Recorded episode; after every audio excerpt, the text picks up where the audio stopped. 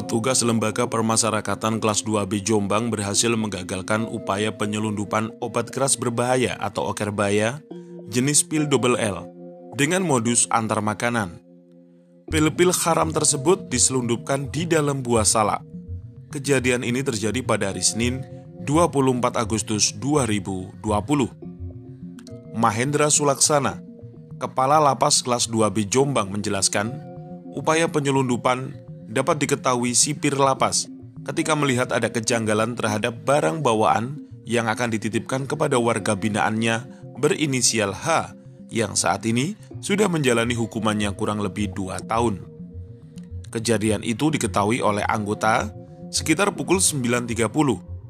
Pada saat itu ramai para pengunjung dan peng dan pengunjung ini sudah mengisi data diri untuk memberikan buah salak kepada narapidana berinisial H yang berumur sekitar 30 hingga 40 tahun terpidana kasus narkoba.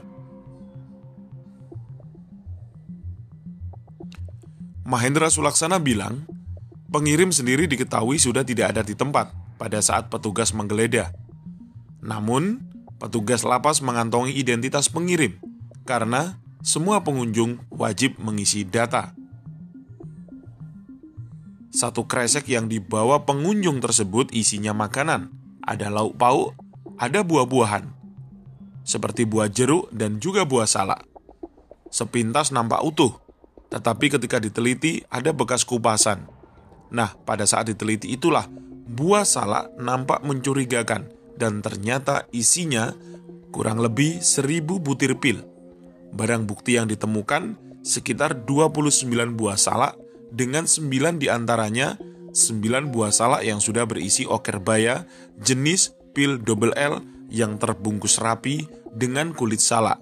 Namun di dalamnya ada satu plastik berisi pil. Saat ini, barang bukti tersebut sudah diserahkan kepada pihak Satuan Reserse Narkoba Polres Jombang untuk diadakan penyelidikan lebih lanjut atas dugaan penyelundupan narkoba jenis okerbaya tersebut.